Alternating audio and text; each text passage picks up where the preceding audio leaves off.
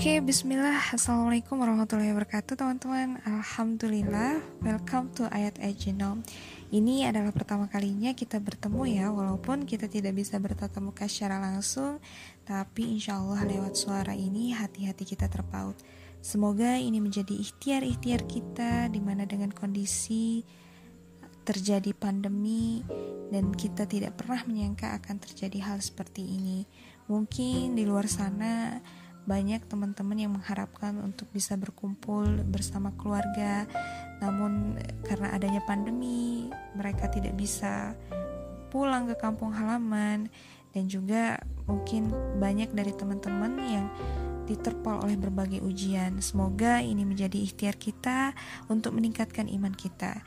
Jadi ikhtiar kita agar Allah menurunkan hidayahnya kepada kita dan jadi ikhtiar kita untuk menjadikan kita manusia-manusia yang lebih baik lagi. Amin, amin, amin ya robbal alamin. Jadi langsung saja perkenalan apa sih ayat-ayat jinom itu?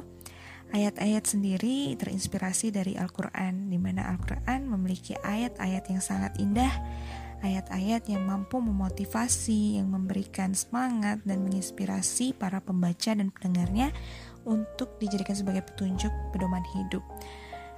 Kemudian untuk genom sendiri bukanlah informasi genetika atau biologi molekuler ya, tapi genom yang dimaksud di sini adalah singkatan dari generasi of millennial. Jadi apa itu ayat-ayat genom?